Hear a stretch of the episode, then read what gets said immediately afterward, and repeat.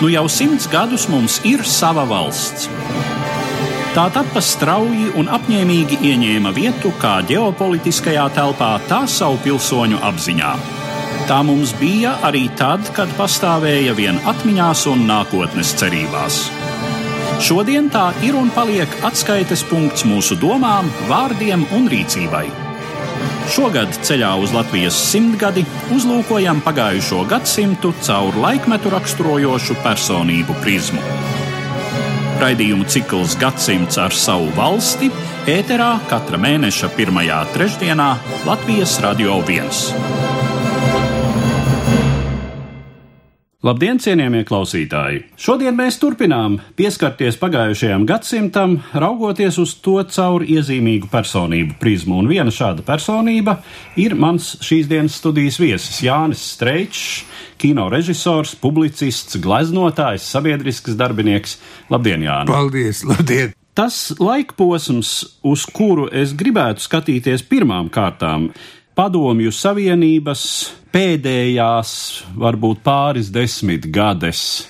Stagnācijas laiks, Brežņeva laiki, bet es tomēr gribētu sākt ar to brīdi, kad tu izvēlējies savu dzīves ceļu. Jā, tas bija, kad es izvēlējos dzīves ceļu, kad tieši teātris, kino. Tas notika pirms 60 gadiem. Svarīgs notikums Latvijas dzīvē, maz pieminēts, bet šogad ir jubileja. 60 gadi šim notikumam aprit, un tā ir 58. gada Latgales kultūras nedēļa Rīgā. Tā radās tāpēc, ka gribēja Latgali pievienot atpakaļ Vicepskai. Radās tādas domas, varas gaiteņos. Sevišķi liela konflikta bija Daugopilī. Daugopilī bija tik pārkrivot, kad uzrakstīja kritiku par kultūras stāvokli Daugopelīte. Viņi sacēla tādu skandālu un Pizānu grib iesniegt pat tiesā un teica, ka mums nav nekādas daļas par Daugopili. Redziet, tas bija Hruščova laiks, kad šeit valdīja vai darbojās tā saucamie nacionāli komunisti. Berklaus, Kalpiņš, Nikonovs, Dzērve kuri pēc 59. gada Nikitas Krušo vizītes dabūja pa kaklu, tika izmētāti pa pasauli, bet tad Latgali tiešām pierādīja, ka ir latvisks novads. Bija domāts par citiem novadiem rīkot tā pārbies, Latgali pārrēdīja tādu nacionālismu, ka viņi kļuva baili. Bet Latgali deva ierosmi šīm grandiozām manifestācijām kultūras dienām. Mākslinieki, teātri, dzīsdienas. Iesākums tam bija Latgales kultūras nedēļa. Jā, tas bija skurbinošs laiks, un tieši Latvijā to mēs izjutām ar prieku. Parādījās Solžņicina toreiz. Ivans Janīsiča viena diena, tā ir fantastiska literatūra, pat šodien ir lasāma pamācoša, lai tu zinātu lielu dzīves gudrību, kā jebkurā laikā, ka pat lāģerī var atrast prieku, niecīgu, cilvēcīgu. Bet tad jau nāca tas sasalums arī, viņš attiedzās, arī to es piedzīvoju, es piedzīvoju to laiku, kad pēc Maskavas modes Rīgā disidenti tika meklēti. Tas notika augstceltnē, Zinātņu akadēmija, tanīs zālē, kad pa katru varu vajadzēja šeit grēkājušas atrada, un tā bija Bīzumbēlis Šēvits, tas bija Evalds Vilks, protams, Ojaram Vācijādzim tika, un visi dziedāja pakaļ tam, ko teica no tribīnas Pelšer, dedzīgi un kvēli runāja. Es negribu vārdā nosaukt tos dzēnieks, kas ejam pakaļ, bet vienīgais, ko es redzēju visu mūžu, nevar aizmirst, tā ilgoņa Bersona uzstāšanās. Jaunais teātris zinātnieks Ilgons Bērsons, kā šodien acis priekšā stāv tādā brūnā uzvalciņā piparu sāls uzstās un teica, ka biedri lieta nav nemaz tik traka, nevajag pēc Maskavas modes meklēt grēkāžu Latvijā, kur tāda nemaz nav. Ak, Dievs, kas bija par pārbīli zāli, aiz muguras man šņukstēja sievietes, ārprāts, ko viņš dara, taču ir beigas viņam. Otrs saka, es kāds īsti tagad redzu man priekšā mazais mārītis, mārītim, ja dēlam daži gadiņi bija. Ar to gadījumu Bērsons ik uz tādu goda piedestālu. Es to mūžam nevaru aizmirst. Tagad esam labi draugi, tiekamies. Tad jau piedzīvo arī to, kā viņš tika palaists pensijā. Un tad nāca dzīves mīlētājs, baudītājs, lāgats cilvēks, kā cilvēks sirsnīgs, līris, aizkustinošs līdz asarām kā bērns, bet varas kārs un ļoti gudrs, kas prata nostiprināt savu varu tā, kā to nespēja pat Staļins. Kad viņi ielika līdzgaitnieku, kas veido apvērsumu tikai uz īsu laiku, Viņi negaidīja šo talantu, šī lāga mikā, šī bezgala simpātiskā vīrietim, siržu laudzē. Viņš tiešām izcili skaists. Jūs zināt, viņš taču piedalījās pašdarbībā. Sarīkojumos arī piepiši viņš saka Annu Šņēginu las no galvas. Miriškovska, Dimitrija Miriškovska poēmu.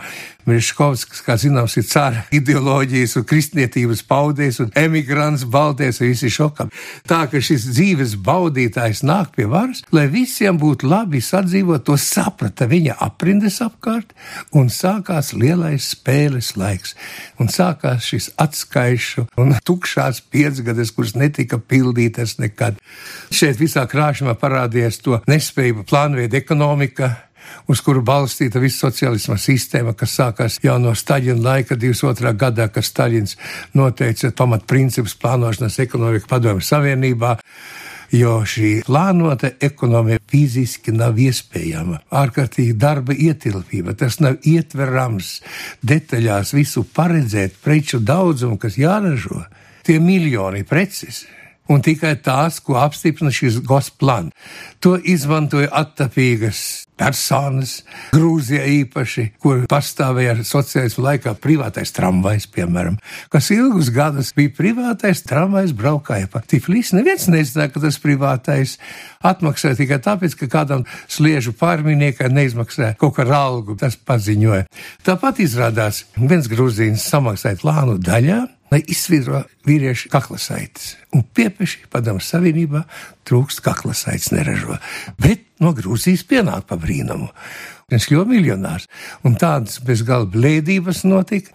Tagad, paskatos vecos laikus, arī lasu, skatos, tagad ļoti interesanti. Tagad man kļūst pa dīvaini, kādā dvingā mēs dzīvojam, cik apmāti mēs paši bijām šī uzraudzība, kura bija par saimniecību. Tā bija ļoti aplama.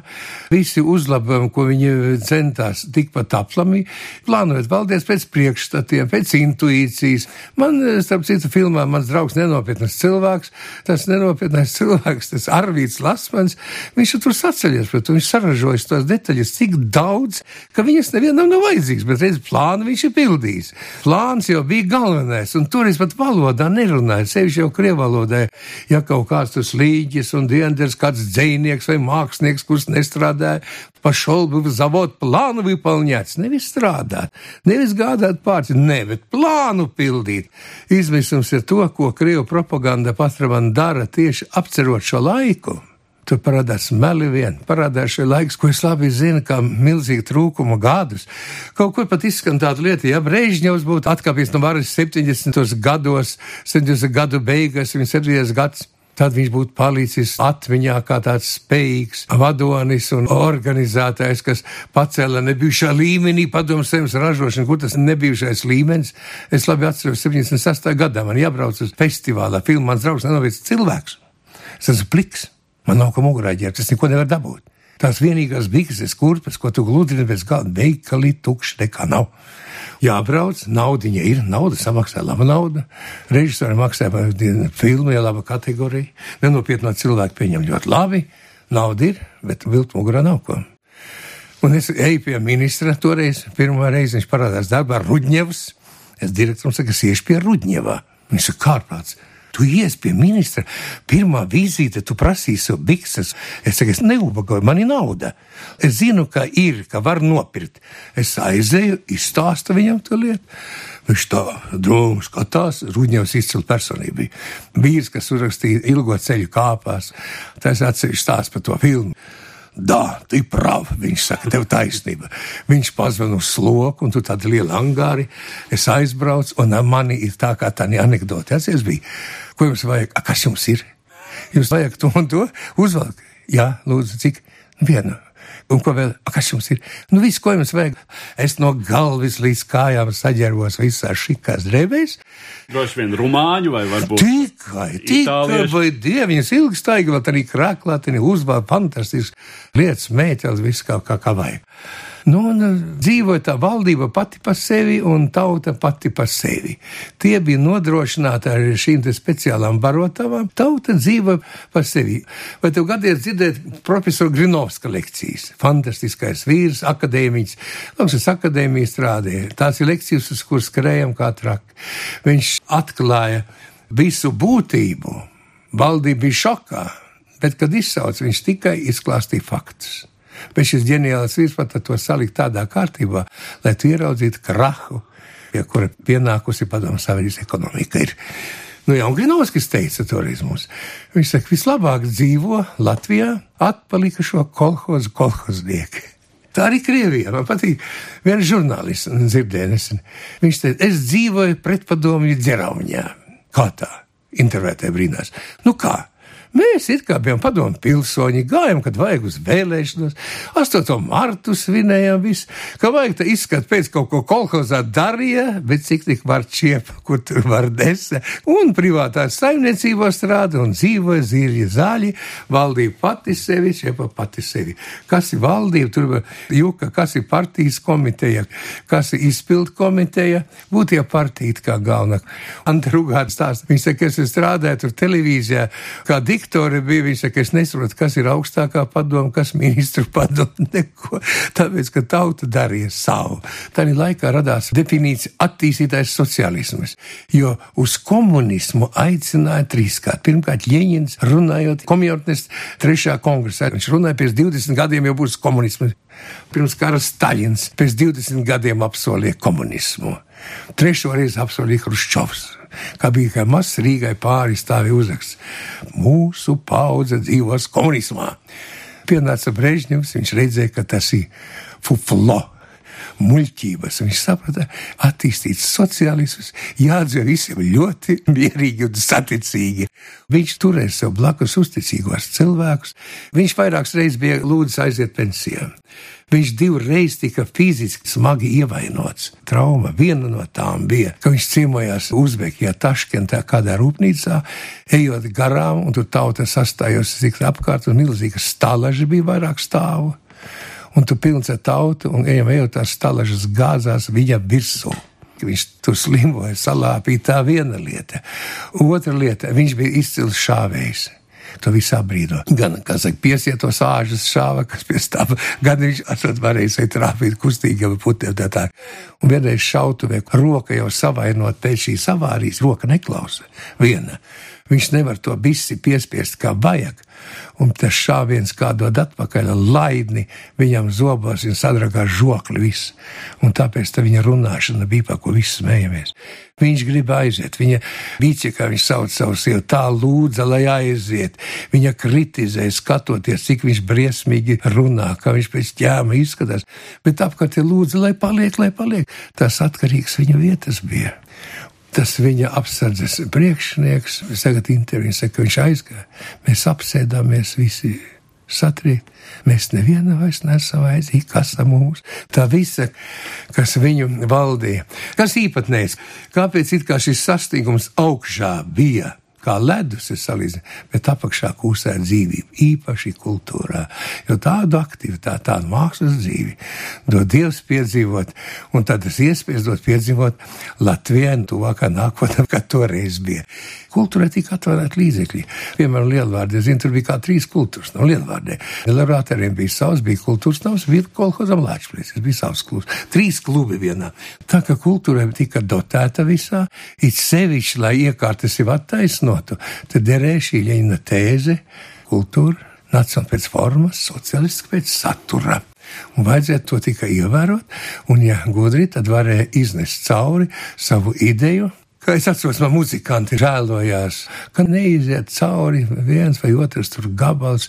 Runa varbūt bija par formu, es nezinu, bet es saku, mīļi, dodiet nosaukumu pareizo savam darbam.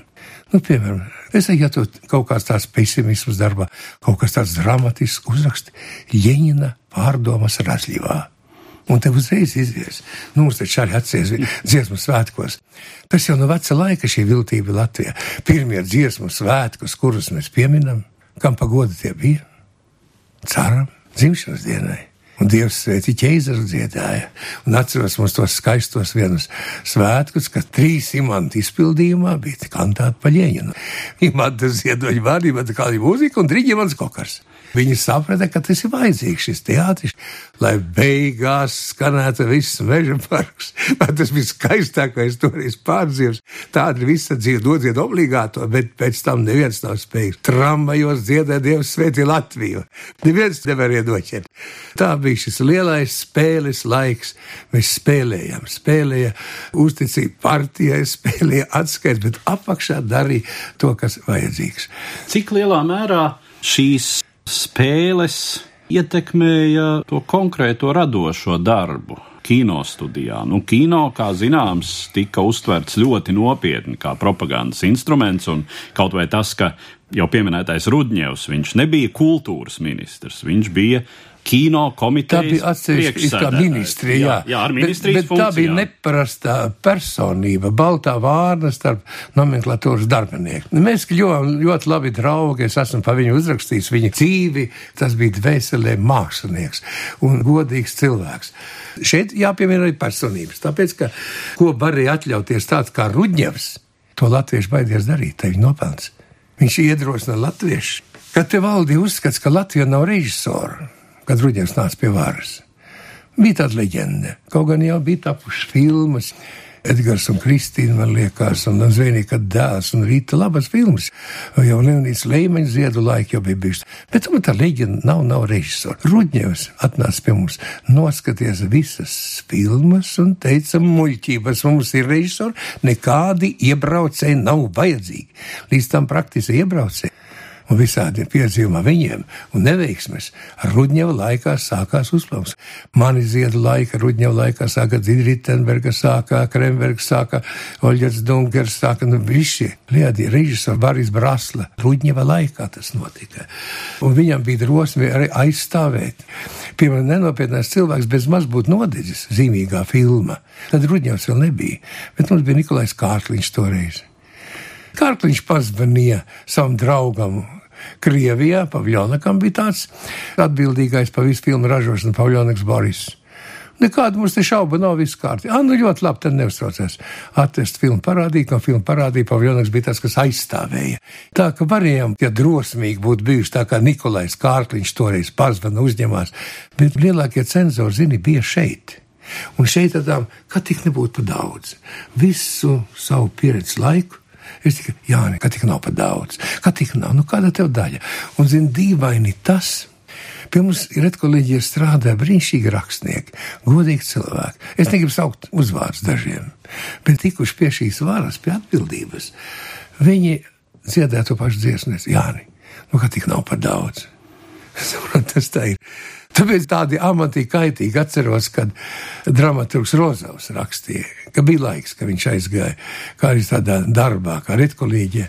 Es sapratu, ka es zaudēšu kaut ko. Mani pārņem šis ierēģņa gars, nemitīgi pārņem. Tā ka šeit bija tās lielākās šķērs. Un, ja atceramies, man liekas, ir Baltika reklēkā, un tika tur pieņemts, bet šeit nepieņēma. Mums pat tā bija. Tātad tur tas nozīmē Maskavā. Maskavā. Jūries mēs ražojam, tas aplams runas, kā agrāk varēja strādāt Rīgas kinostudijā. Tas muļķības. Rīgas kinostudija strādā tāpēc, ka Rīgas kinostudija bija lielā uzņēmuma cehs viens, kas bija Goskino, ko mēs ražojam. Mūs gaidīja 150 tūkstoši kino iekārtas savienībā. Ja katra iekārta mums dod divi rubļi, filma ir atpirkusies ko nevar iedot Latvija. Tāpēc ir pastāvīga Rīgas kinostudija. Kā tad nevar, kā agrāk nevar? Tāpēc, ka šis tirgus nav, un vienīgi iespēja, ka runā par kino, iziet uz tādu tirgu, uz lielu ražos, tas ir kooperācija, citam tas ir cits jautājums. Galvenais vajadzēs zināt spēles noteikumus un prat pasniegt. Nu, piemēram, vispilgtākais piemērs manā praksē - filmu teātris.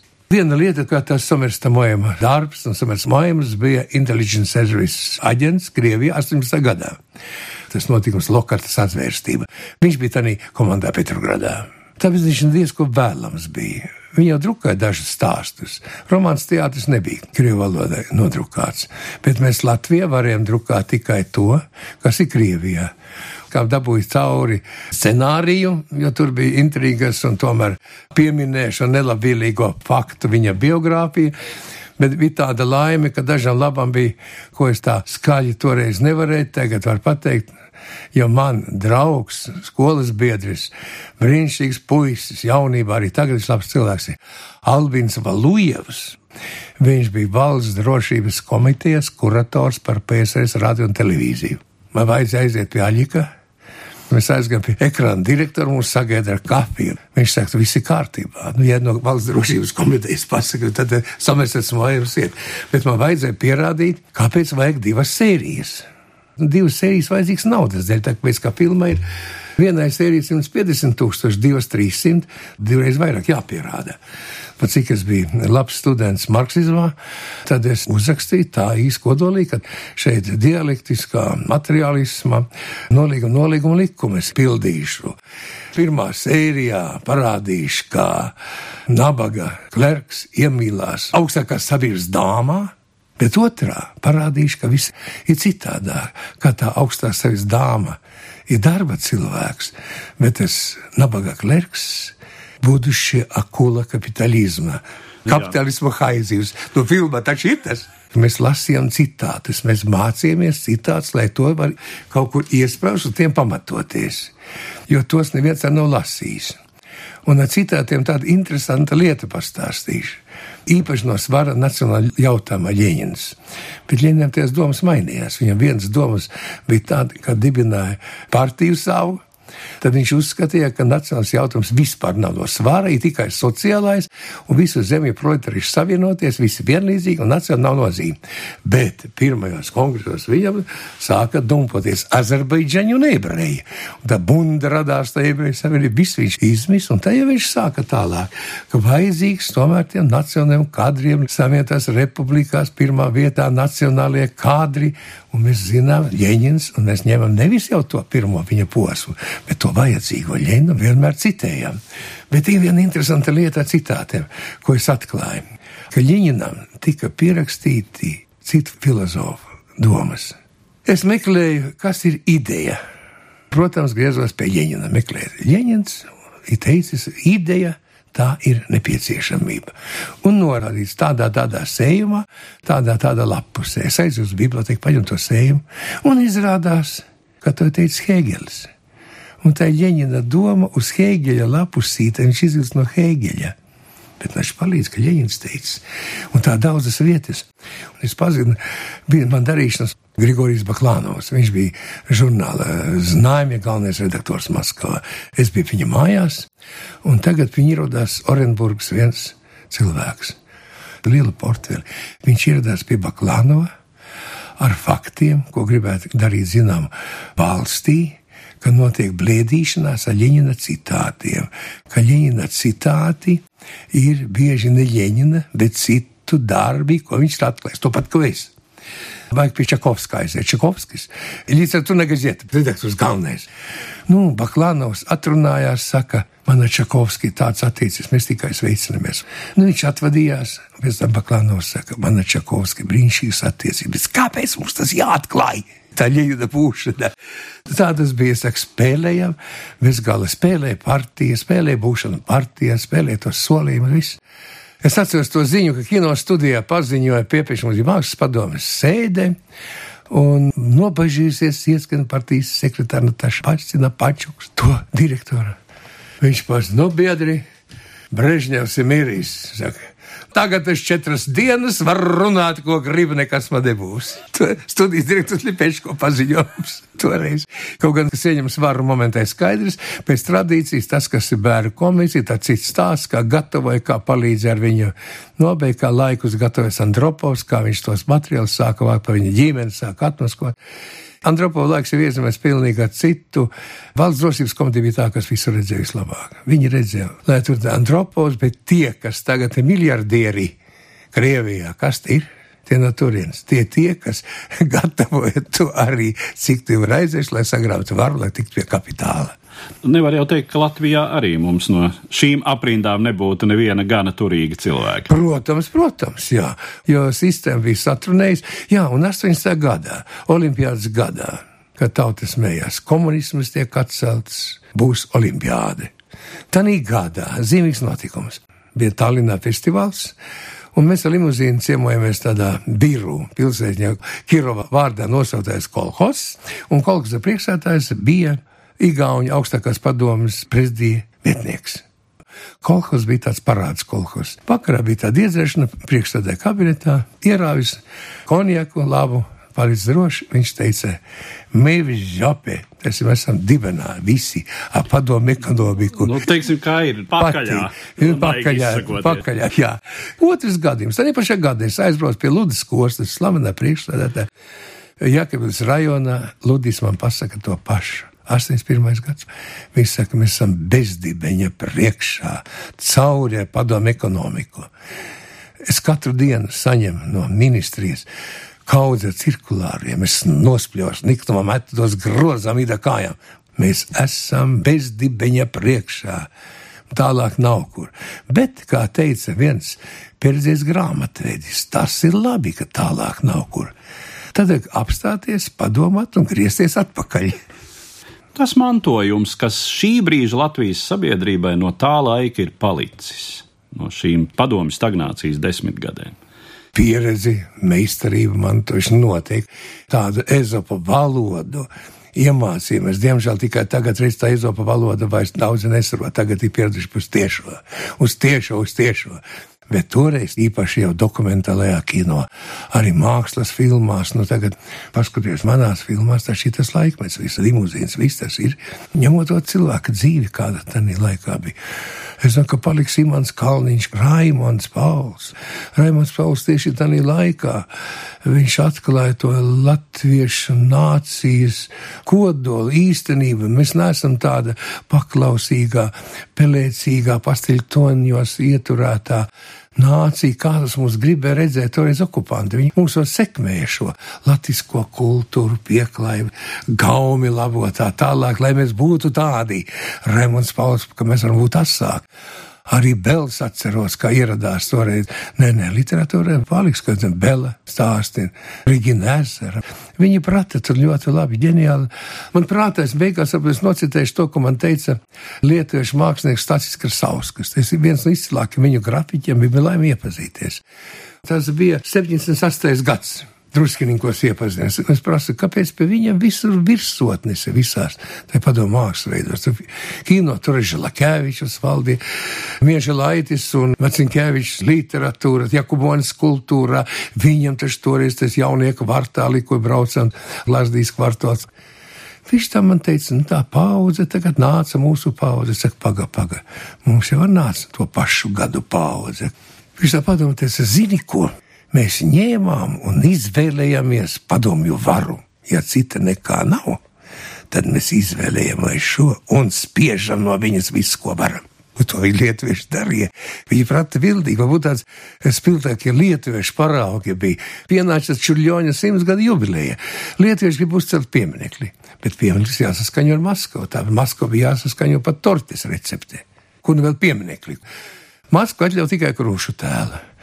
Druskinīkos stāv piemineklis šodien lepni visa auguma liels, jo lietuvieši atrada formu, kurā postaments ir organisks, krūšu tēlu turpinājums. Tā viņi to pasniedza. Tā ka vajadzēja šo pierādīšanas mākslu.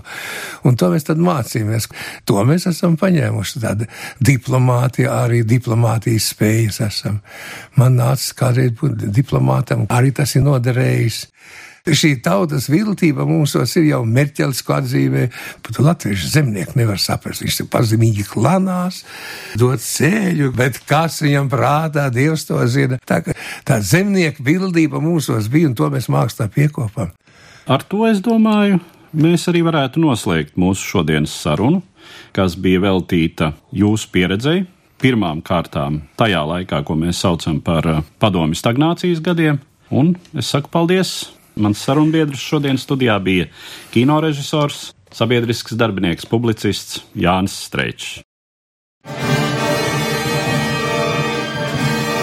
Gadsimts ar savu valsti skatīts caur laikmetu raksturojošu personību prizmu. Latvijas simtgades programmas raidījumu cikls ēterā katra mēneša pirmajā trešdienā Latvijas Radio 1.